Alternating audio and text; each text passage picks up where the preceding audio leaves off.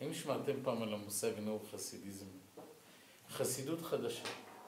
חסידות של אנשים שלא באו מבתים חסידים. חסידות של אנשים שלא חונכו בדרך חסידית. אה, חסידות של אנשים שחלקם גם לא חונכו בדרך יהודית או בדרך דתית, והם גילו את החסידות ובחרו בה, והפכו את החסידות למשהו אוניברסלי גדול בעולם, שהוא למעשה אחת התורות היותר נלמדות בעולם הרוחני היום, יותר מכמעט כל דבר אחר. ונצטרך להבין מה זה העובדה שבכל העולם עוברים ללמוד תורות שנכתבו על ידי יהודים ששפתם הייתה שפת ההלכה ושפת הקבלה אה, בשתי תל"ח במזרח אירופה. אה, יהודים שבכלל לא חשבו בצורה אקדמית. והתחלתי לדבר על אחד האנשים שתרומתו אה, לנאו-חסידיזם לא הייתה מוטלת בספק, וזה מרטין בובר. וכדי להסביר בכלל את עניינו של מרטין בובר, אה, הצגתי לכם אה, בשיעור נפרד מה הוא בכלל אקזיסטנציאליזם. אתם זוכרים שבפעם הקודמת הסברנו מה זה אקזיסטנציאליזם, מקווה שההסבר הזה היה לי ברכה, אני רואה שהוא הפיל קצת כמה חללים. עכשיו אני רוצה לעסוק ב... אבל השאלה אם אתם רוצים את הדבר הזה, זאת אומרת, כן, אני, כן. אני רוצה לעסוק באחת מהתנודות המרשימות ביותר של העולם היהודי ושל העולם הכללי, אה, ההתעוררות והחזרה ליהדות של צעירים יהודים מבתים שכבר לא הגדירו את עצמם כיהודים בין מלחמות העולם, בין מלחמת העולם הראשונה לבין מלחמת העולם השנייה. ובשביל לספר לכם על הגל הזה, שהוביל לאנשים שהדת היחידה שהם הכירו, זו הייתה דת נוצרית, וחלקם כבר היו עמוק בתוך האנטישמיות. אנחנו נדבר על סופרים שאנחנו פוגשים אותם בתור חוזרים בתשובה, בתור ציונים, ובספרים הראשונים שלהם היהודים מופיעים בצורה שלא תבייש את שיילוק ואת שייקספיר והרבה ספרויות אנטישמיות. מה הוביל אותם בחזרה ליהדות? אנחנו צריכים לספר את סיפורה של מלחמת העולם הראשונה ואת סיפורו של הנוער במערב אירופה, אה, הצעירים במערב אירופה בתקופה שבין המלחמות. אז אני פה הולך מאוד מאוד רחוק ומתחיל אה, כי צריך לדעת שברור שמבחינת כמות הזוועות אי אפשר בכלל להשוות בין מלחמת העולם הראשונה למלחמת העולם השנייה. ברור שמלחמת העולם השנייה הייתה, מלחמת העולם הראשונה הייתה כאין וכאפס לעומת מלחמת העולם הראשונה. רצח לשם רצח ואכזריות כמו במלחמת העולם השנייה לא היו במלחמת העולם הראשונה. אבל צריך לדעת שמבחינת הבלבלות והשינויים התרבותיים מלחמת העולם השנייה לא שינתה תפיסות. מלחמת העולם השנייה היא רק חידדה מדות מה טוב ומה רע, ידעו מהר מאוד מי האיש הטוב, ידעו מי הדבר הרע, היה את מי לשנוא, היה את הנאציזם הלא אנושי, זו הייתה משהו מלחמה צודקת, היא לא שינתה תפיסות. היא אולי אה, אה, קלקלה את הלאומיות באירופה, והפכה את אירופה למה שאנחנו מוכרים היום, הפכה את הלאומיות מבחינה מוקצית, אבל אה, זה לא היו שינויי תפיסה כמו מלחמת העולם הראשונה. ואני רוצה להסביר את הסיפור של מלחמת העולם הראשונה, כדי אה, להסביר לכם, ואני רץ רחוק, אבל אני חושב שחבר'ה, כדאי שיכירו אותם. אחת השאלות הקשות ביותר לביאור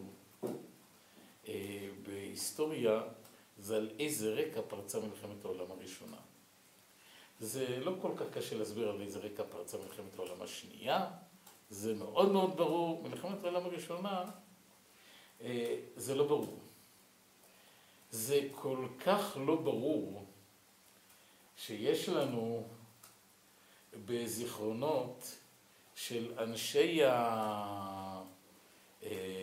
של החיילים באותה תקופה, אני רוצה לדבר על שנת, אה, על חג המולד, אולי סיפרתי לכם בשנת 1917. אה, מלחמת העולם הראשונה התנהלה, אם מישהו שמע זאת אומרת, בתור מלחמת חפירות.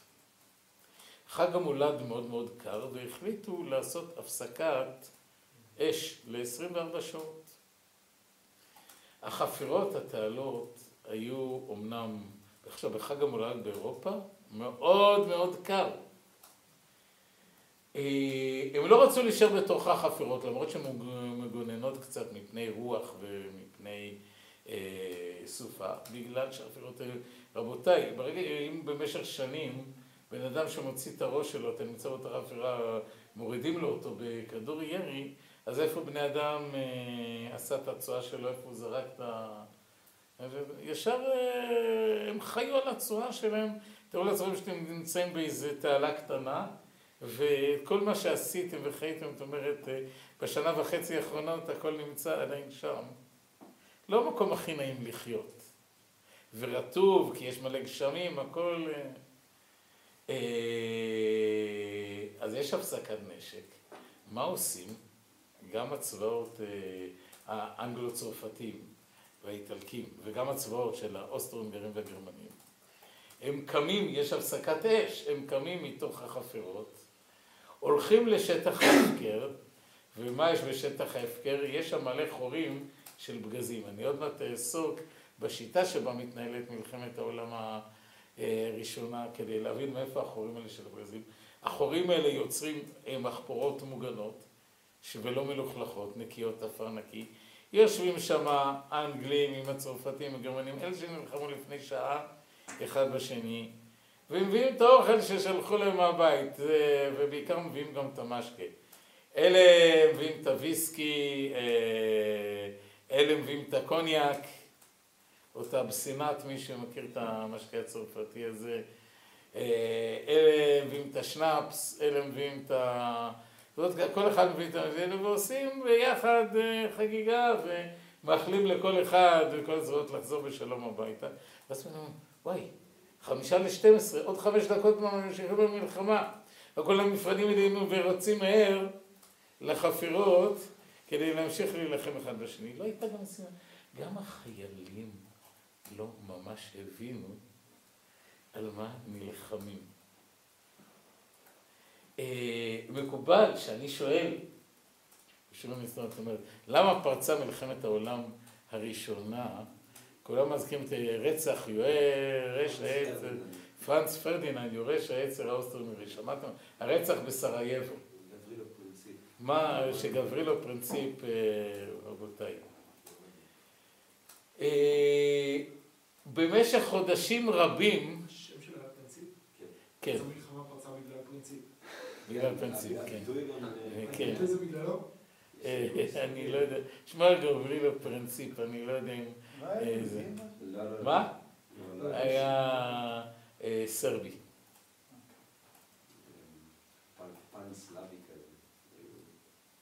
גברילו פרינציפ, אה, זה גם הייתה התנגשות נורא, הוא פספס לגמרי, ואת הזה, ואז הם ברחו המתנגשים לתוך חנות. את מי פוגשים בחנות? את פרנץ פרדיננד, ואז יורים בו בפעם השנייה. זה, זה הכל כזה צילי גר בצורה לא רגילה. דרך אגב, זה לא עורר את הכותרות הראשיות בזה. הוא היה דמות לא פופולרית, לא כל כך מהמקורבים, הוא כבר היה בן אדם זקן, אף אחד לא האמין שבאמת יירש את הקייזר. ובמשך חודשים זה מתנהל, מתווכחים, מי התחיל וכל מיני דברים כאלה, אבל זה... המלחמה פורצת חצי שנה אחרי שזה, וזה לא היה כותרות הראשיות בעיתונים. אני צריך להסביר איך מתחילה מלחמת העולם הראשונה, וכדי להסביר את זה אני צריך ללכת מאה שנה מוקדם יותר. אמרתי, אני הולך, אתם הולכים היום לטיול, אה, אה, איך קוראים לעיתונאי הזה שמדבר על כל מיני דברים ברדיו, כזה, ערן סבג כזה. אה, שמעתם פעם את השם הזה, ערן סבג? אה, הוא מדבר על כל מיני ענייני השכלה ברדיו. נובח כזה, מפסיק לנשימות באמצע. אה, בקיצור, אה, בשביל להבין את מלחמת העולם הראשונה צריך ללכת מאה שנה קודם לקונגרס וינה.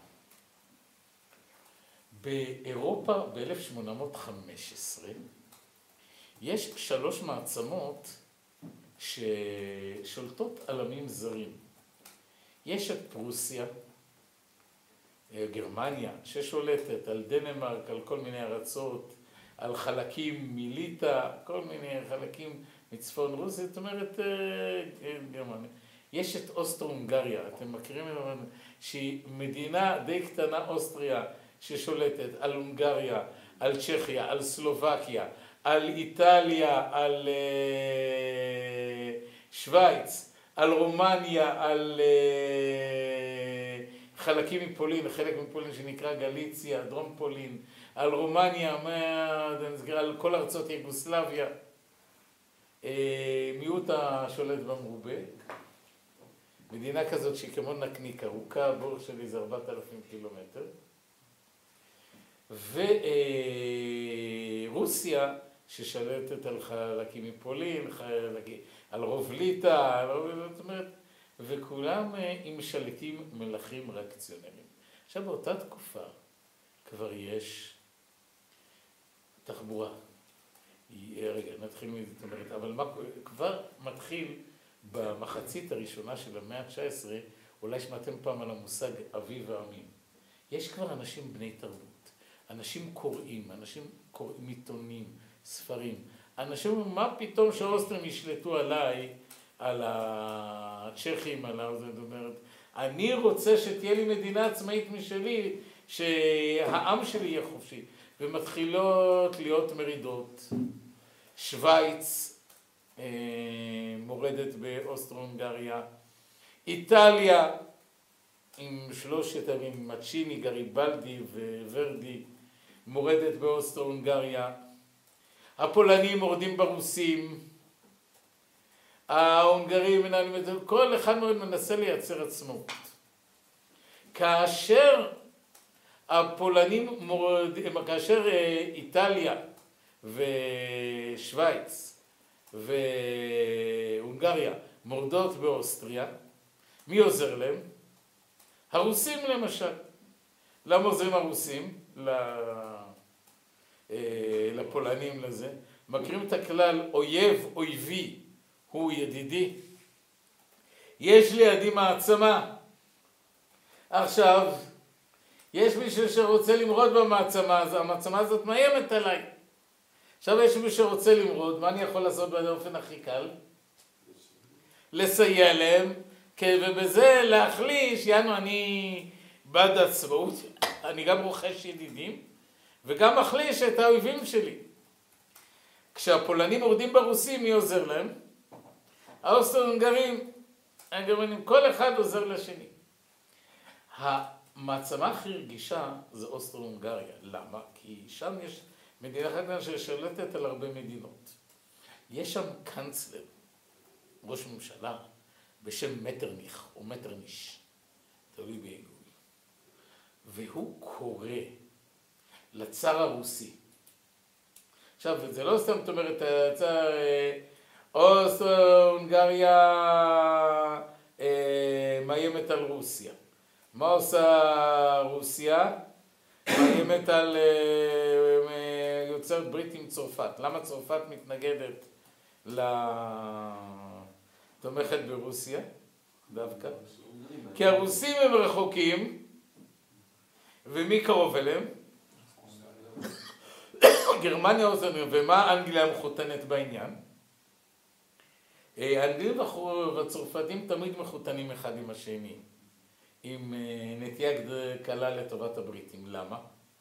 כי האנגלים והצרפתים יחסית זה מדינות קטנות מול גרמניה. אף אחת מהן לא תיסוד מול גרמניה, מול השכנה הגדולה.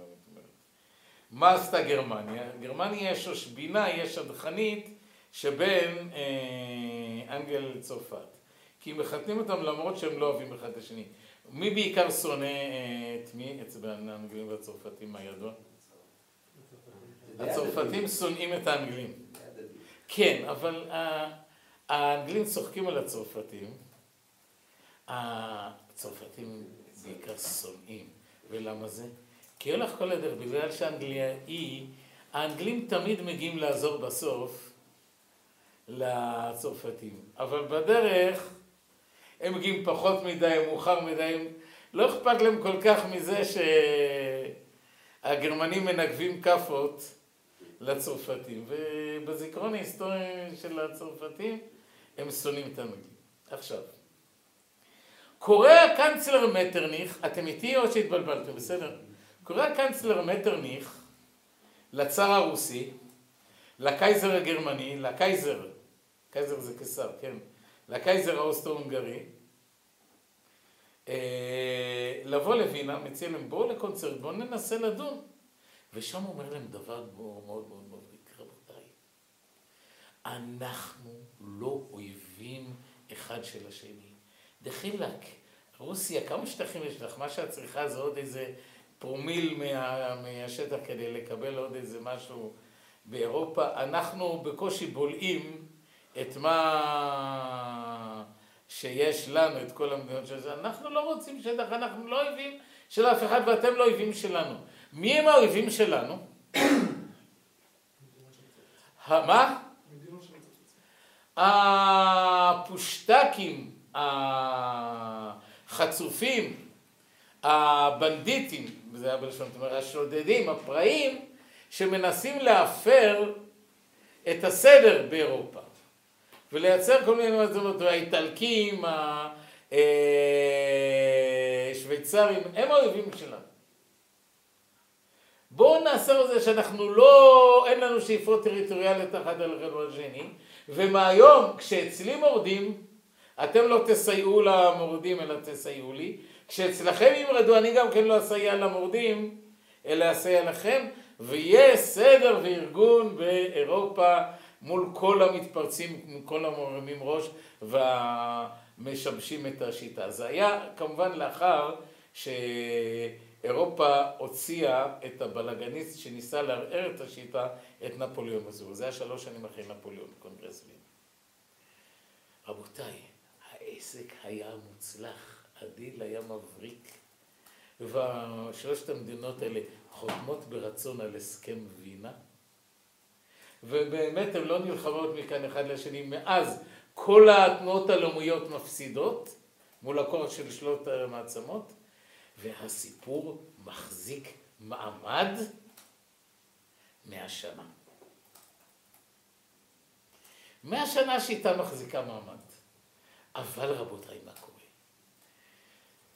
אנחנו עברנו מאה שנה. יש באירופה כבר עיתונים. יש באירופה או טלפונים קצת, או טלגרף, אם מישהו שמע פעם על ה... זה באמצעות מורס להעביר. יש רכבות, יש אפילו מכוניות.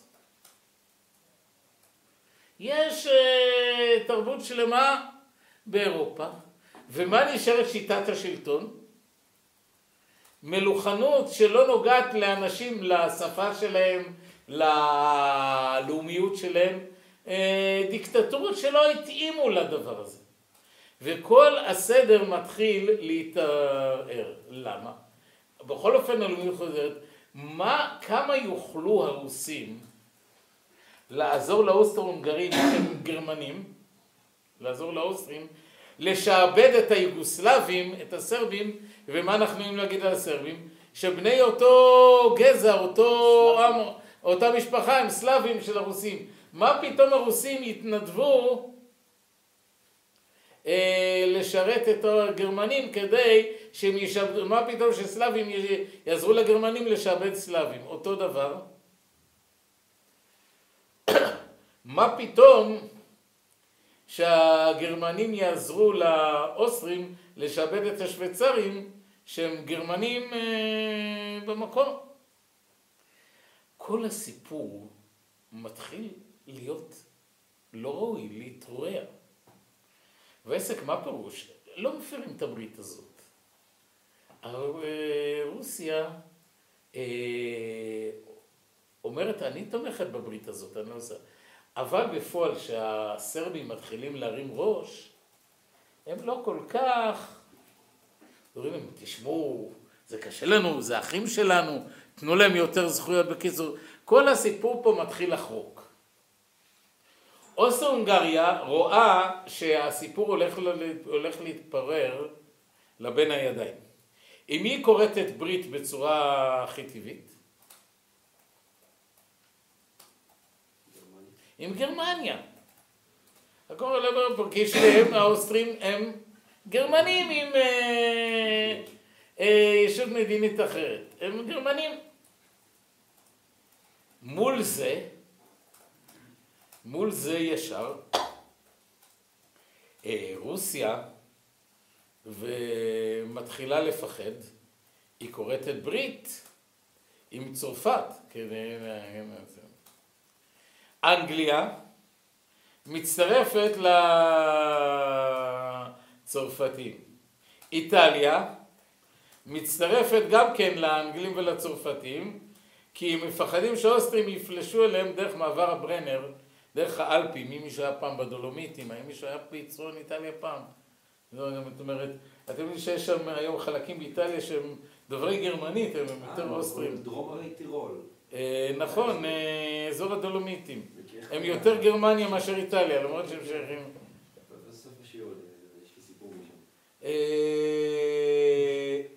אז מה רואה טורקיה? עם מי טורקיה מסובכת? עם האנגלים מאבק על כל מיני נחלות, היא מצטרפת לגרמניה. בקיצור, זה מפחד מזה, זה עושה ברית מזה, זה זה וזה. בקיצור, מה, כל אחד מפחד מהשני ויוצרים. מה עכשיו יקרה? יש חשדנות מספיק שאיזה משהו יצית את אבק השרפה הזה, וכולם, זה מחויב לזה, זה מחויב לזה, זה מפחד מזה, ומתחיל הכאוס. האם אתם מבינים איך נולדה מלחמת העולם הראשונה? בחבר מביא חבר, בחבר מגן על חבר וכולי. כמו שהמלחמה הזאת הייתה מטומטמת בסיבות התחלתה, היא גם הייתה מטומטמת בניהולה. למה היא הייתה מטומטמת בניהולה? קודם כל, אה, נדבר אה, מודרנית, ב' נדבר חברתית. רבותיי, אנחנו מדברים פה על ארצות של קדמה. אה, רבותיי, הומצא אדם בשם ארמסטרונג, בריטי, המציא, אה, אולי לפני כן הומצא אבק שרפה שלא יוצר עשן. מיד נסביר למה זה חשוב כל כך אבק שרפה לא יוצר עשן. וזה שאבק שרפה לא יוצר עשן, מה זה מאפשר לנו רבותיי? בואו תדברו איתי צבא. לראות בקצב אש גבוה יותר, כי בהתחלה שהיית יורה מה קורה? יש פה חי שריונאים או משהו... כן, זה מתלכלך, זה היה... אה, מתחמם. מה? לא, לא, זה- זה- מה קורה? למה אפשר לראות? אתה לא רואה, הכל מלא עשן, הכל מלא פייר, זאת אומרת, עד שמתחיל לשקוע. אה, הואיל וכן ארמסטרונג המציא את רובה המחסנית. איך בהתחלה אה, הם קראו לרוב- לרובים, אה, לפני מלחמת העולם קראו להם בסי בראון, בטי החומה, בתיה החומה. היו, אה, לכל אחד היה שקית עם כדורים כאלה שנקראו כדורים. למה נקראו כדורים? כי הם היו בצורה של כדורים. הם לוקחים אבק שרפה, שופכים, דוחסים, שמים כדור, יורים. היה קצב טינה. עכשיו יש לנו כלי נשק נטענים אה, יותר מהם. איך היו אה, יורים באותה תקופה? היו קודם כל עומדים צפופים כדי לייצר שליטה, כי כל אחד יוריד כדור, השליטה היא מאוד מאוד חשובה. עושים שלוש שורות כדי שבן אדם יוכל לפגן. עושים שלוש שורות, שורה ראשונה שוכבת, שורה שנייה קורעת, יושבת, שורה שלישית עומדת, ולפי פקודה מוכ- אה, טען, טירה, יורים בבום, מכה, כשכולם עומדים צפופים. למה יורים כולם במכה? א', כי צבא תמיד צריך משמעת. אתה לא אוהב בצבא, כן, אנחנו יודעים, אבל נזכר בסיפור, התרגולת הזאת הייתה בגלל שהאבק שרפה הישן היה עושה עשן. ולכן אתה נותן ירי אחד, כדור מטח בדקה, עד שהתפזר העשן. ואם היית רואה כל אחד לחוד, מה היה קורה? הכל העשן היה אחד המפריע לכן נותנים. הכלי נשק השתנו, אבל שיטות הלחימה לא השתנו. מה הייתה שיטת הלחימה, הלחימה במלחמת העולם הראשונה? מלחמת חפירות. מה זה מלחמת חפירות? אה, מתאים לזה, כל אה, צבא מתרכז בחפירה אחת, הוא עושה לו חפירה רזרבית מאחורה לעשות את זה.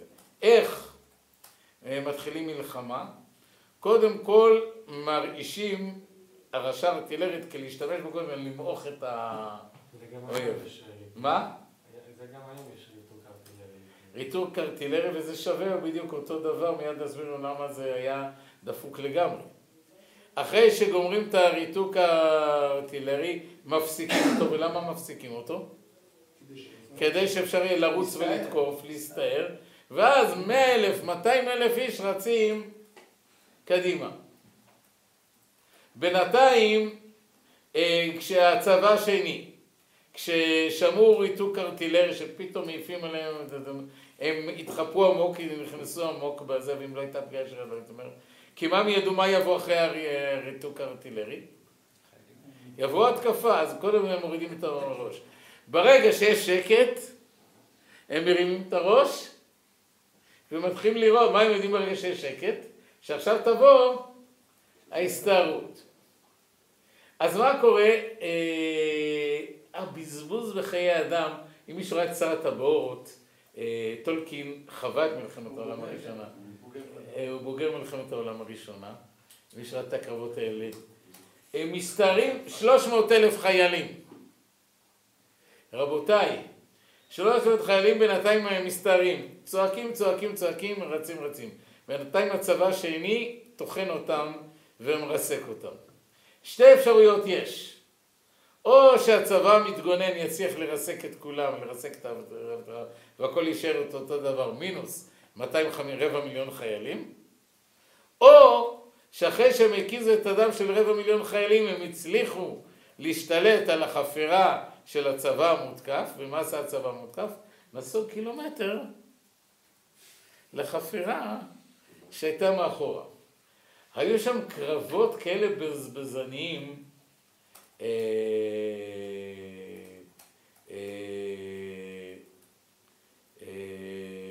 בכוח אדם, שבקרב, אני דומני על המרן, נהר המרן בצרפת, אמר הגנרל הצרפתי, נדמה לי, פוש, טועה, שבקו גבורה הזה נהרגו 250 אה, אלף אה, מטובי חיילינו בכיבוש שטח שלא הספיק לקבור אותם. שטח שהם כבשו, הם ניצחו. מה הם עשו? הם כבשו שטח שלא הספיק לקבור את החיילים שמתו. אתם יודעים, זה הכל, אה, כל המלחמה הייתה מטומטמת, עכשיו יש לזה גם היבט חברתי. מאיזה אסכולה, אתם יודעים, בעבר, היו כאלה שגויסו כחיילים, יותר מוצלחים, פחות מוצלחים, ומה תפקידם להיות חיילים, לפעמים הם מגיעים לסמלים לדרגת תת קצין. והיו כאלה ממעמדות אחרים. האבירים. מה? האבירים היו... כן, אתה לא עושה כבר בתקופת האבירים, כן, אתה כן, עושה בתקופה שאבא שלי חי, אז כן, כן. אז... אה, אה, כן, אבא שלי נולד ב-1914. היה תינוק, אבל כבר היה חי במלחמת העולם הראשונה. אז זה לא אבירים, זה לא ימי הביניים, זה... אה, יש עוד אה, אנשים שהיו במלחמת העולם הראשונה, יש אנשים בגיל מאה ומשהו שהם אה, עדיין חיים איתנו, יש עוד אנשים שהשתתפו במלחמת העולם הראשונה. כן, כן. יש עוד כמה, אחד בן 117, יש עוד כמה, כמה, יש בעולם, כן. 17 במלחמה בערך. אז יש עוד איזה אחד, שניים בעולם, ש... אה, רבותיי, עכשיו, אה, אם אה, אמשיך, המלחמה הזאת גם הייתה מטופשת מלחמת, כי הקצינים היו מעמדות הגבוהים. אז היה את המעמד המסתער, שזה המעמדות, היה את המעמד המת ואת המעמד שנותן פקודות. והמלחמה הזאת נוהלה באופן הכי בזבזני בכוח אדם. אה, חיילים היו כמו זבל, כלי נשק אה, אוטומטיים כמו מכונות ראייה היו פחות. והכל נוהל בצורך מטומטם, פשוט הקזת דם לא נורמלית. איך המלחמה הזאת נגמרה? גם כן באופן הכי מטומטם. אם מישהו היה באזור אה, צפון איטליה, סלובניה, אז יש עד היום שם את אתרי הלחימה והאנדרטאות וביצורים. אה, הלחימה אה, אה, הלכה ונטטה בגדול לטובת הגרמנים והאוסטרונגרים. וזאת מדוע? רוסיה, שגם כן לא חסכה בכוח אדם, אבל השלטון השנוא של הצאר הרוסי, הצבא הרוסי מבצע מרד, הוא מפסיק להילחם, חוזר הביתה, עורר, הם שוחטים את הקצינים שלהם, מהמעמדות הגבוהים, והיקרים כולם חוזרים הביתה ופורצת מהפכת אה, מאי ואחר כך מהפכת אוקטובר, שמעתם? רוסיה נכנסת למלחמת אזרחים, קומוניסטים, לא קומוניסטים, רוסיה פורשת. בכוחות מתוגברים מגיע הצבא הגרמני, שהצבא שהיה הכי שווה במלחמת העולם הראשונה, ומפצח את הקווים האנגלים הצרפתיים בש... היו בשני מקומות מרכזיים, אחד בצרפת והשני באיטליה, אה, אין פה רבע שבסלובניה. אבל הייתם. באזור הדולומיטי.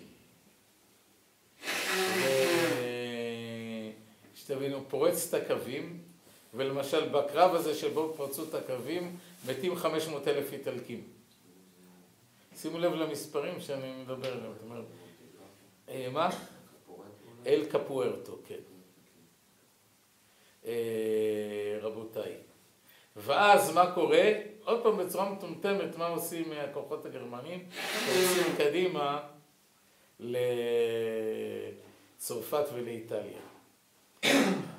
בינתיים רואים האמריקאים שזו החגיגה נגמרה, הם חייבים להתערב, הם חייבים להתערב, והם מגיעים בכוחות רעננים, אמנם לא מנוסים, לאירופה, כאשר למעשה גם לצבא הגרמני והאוסטרוני וגם לצבא האנגלי והצרפתי, לכולם אין כבר חיילים, למה? כי כולם מתו, נפצעו וכולי.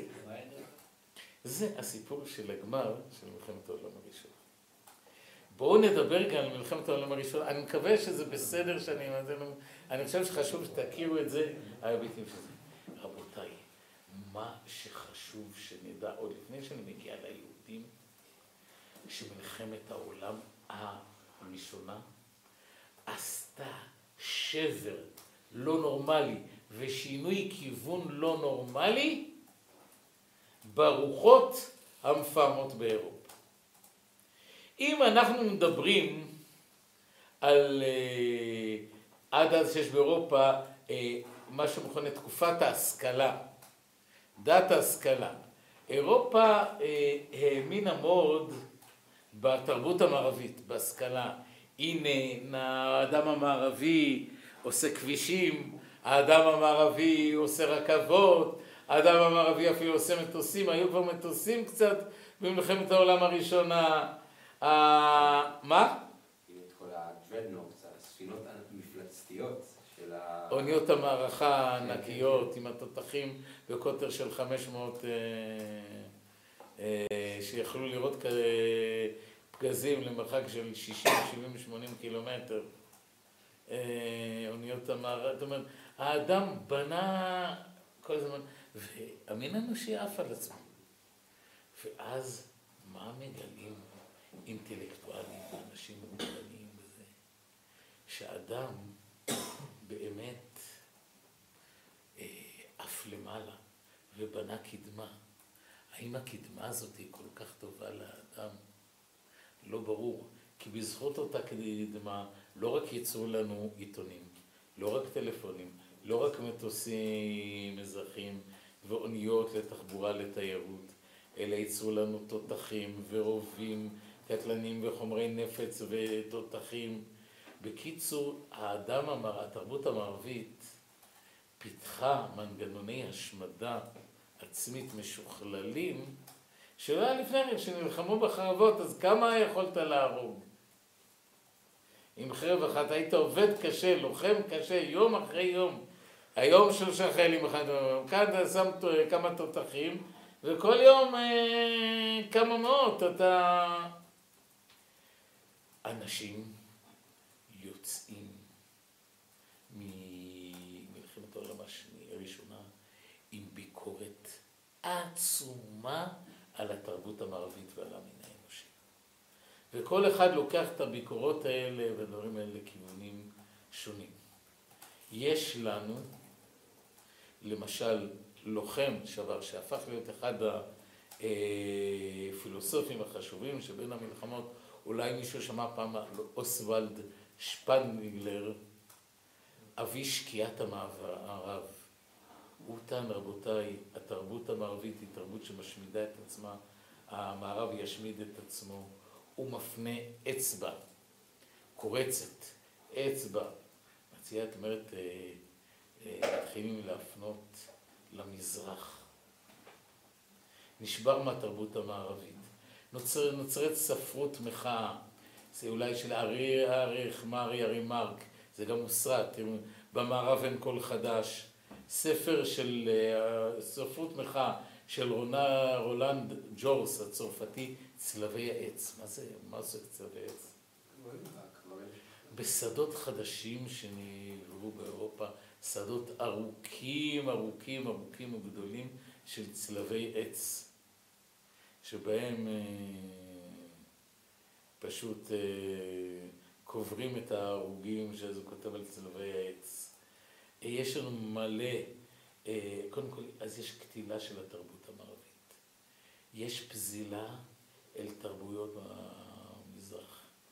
אנשים, מתחיל חקר הבודהיזם, ההינדואיזם, הזן, מגלים את המזרח.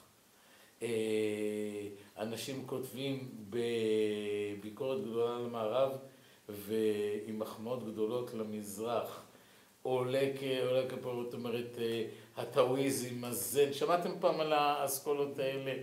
אה, יש לנו למשל אה, עולה כבר של אנטי-לאומיות, אנטי הרמן הסה. בא דבר, זאת אומרת, מישהו שמע על הרמן הסה?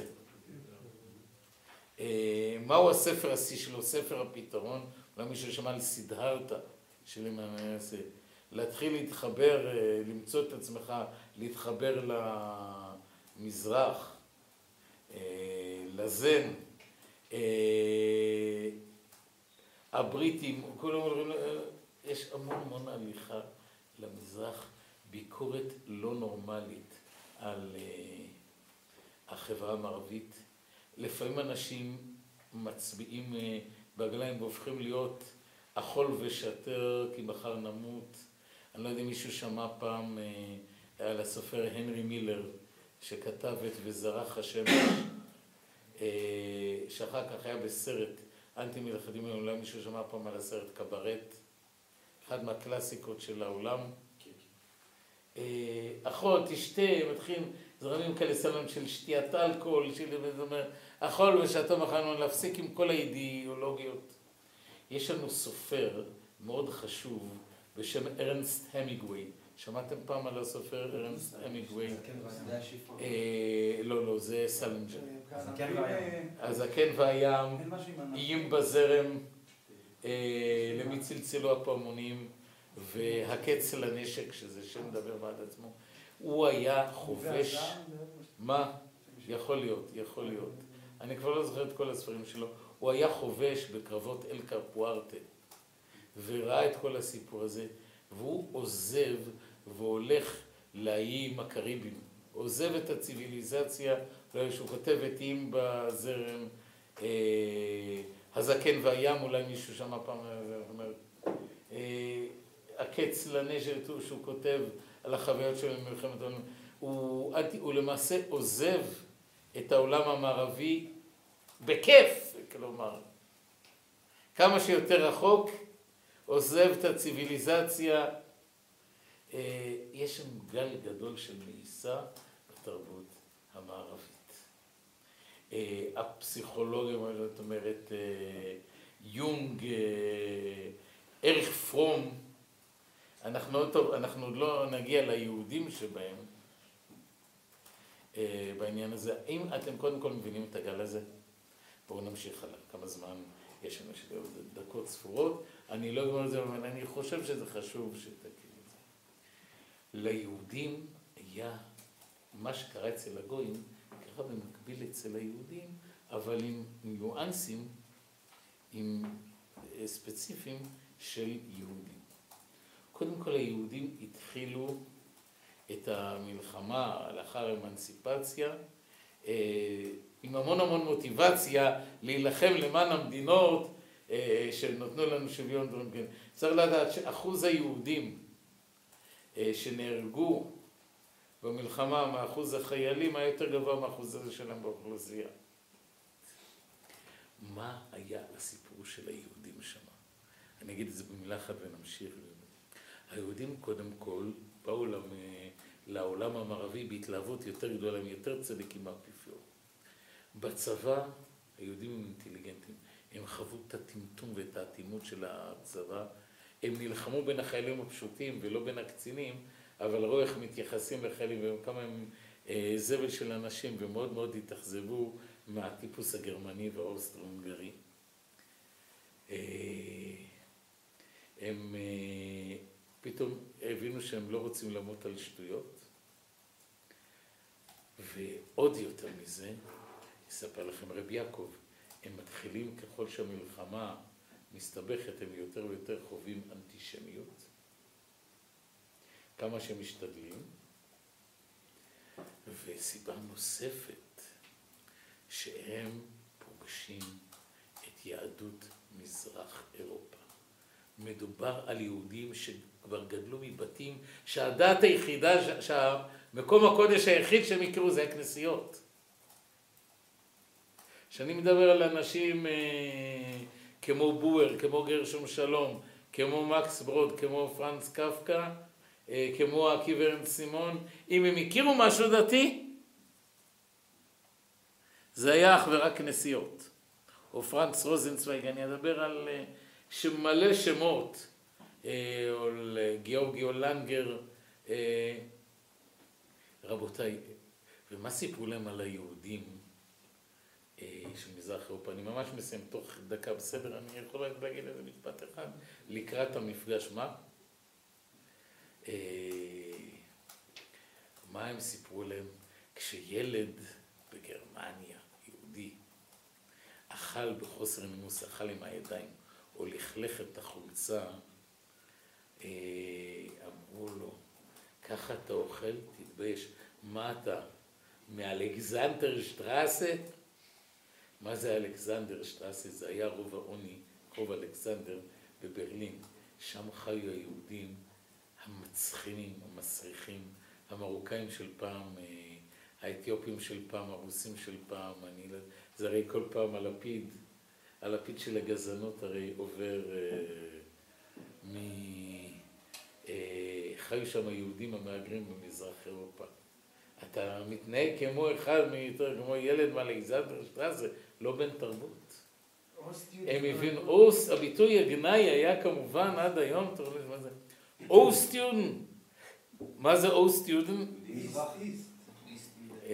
כמו איסט, אבל מזרחי. יהודי מזרחי, כמובן שזה מזרח אירופאי, כן, יהודי מזרחי. ואז הם מגיעים לשם. ואז יש כל מיני חופשות וחגים, והם לא, רובם לא הולכים לכנסייה בחגים. הם מתארחים, מי מוכן לארח יהודים? לא, אף אחד לא אומר, רק היהודים. ושם פוגשים בתים שעונים לסטריאוטיפים, בתים דלים, בתים קצת מסריחים, בתים מאוד נחשלים. אבל כשהם נכנסים ופוגשים את היהדות שלהם, פוגשים את הבני אדם, הם מגלים שבהרבה מובנים הם יותר רוחניים מהם, בהרבה מובנים הם יותר חכמים מהם, בהרבה מובנים יותר טובים ושורשיים מהם. היהודים האלה, כמה שהם דלים, הם מכניסים אנשים הביתה. מה זה, מה זה ויז'יטה, מה זה ביקור בגרם? אה, מתקשרים, שלום הר צוונציק, אני והפראו שלי והגברת שלי חשבנו לקפוץ אליכם, אולי לשחק רמי, אה, בעוד שבועיים בשעה שמונה ושלושים. מכירים את הביקורים האלה וקרובים, ואם הם לא מגיעים בשמונה שלושים וארבע, אין להם קולטורה, אין להם, זאת אומרת, וכמובן בתשע וחצי, כמו שעון, גורמים לשחק, מודיעים אחרי שמקבלים עוגייה, אתם מבינים אה, אה, את הראש. זה היו האנשים הכירו, והם פוגשים את האנשים הדלים האלה עם הלב החם, והם חוזרים מבולבלים, והם חוזרים מוקסמים. כל העולם שלהם התערער, התערבב, ואנשים שבכלל, אנשים כמו אה, נסיכה, כמעט בעלת תואר אצולה, מבית יהודי מתבולל, פוגשת איזה רופא יהודי, מתאר אצלנו רופא ממזרח אירופה בשם אה, עזריאל מרצבך. שמעתם על משפחת מרצבך שיש לה גם ענפים, אחת המשפחות ככה, והיו מאוד, זאת אומרת, והנסיכה הזאת הולכת בעקבות היהודי, הרופא היהודי, שהיא פגשה, ויש לזה, זאת אומרת, ארן סימון, הגר אנחנו נגלה, כולם נכנסים לבלבלות וחוזרים לשורשים, מה קורה בדיוק בפעם הבאה.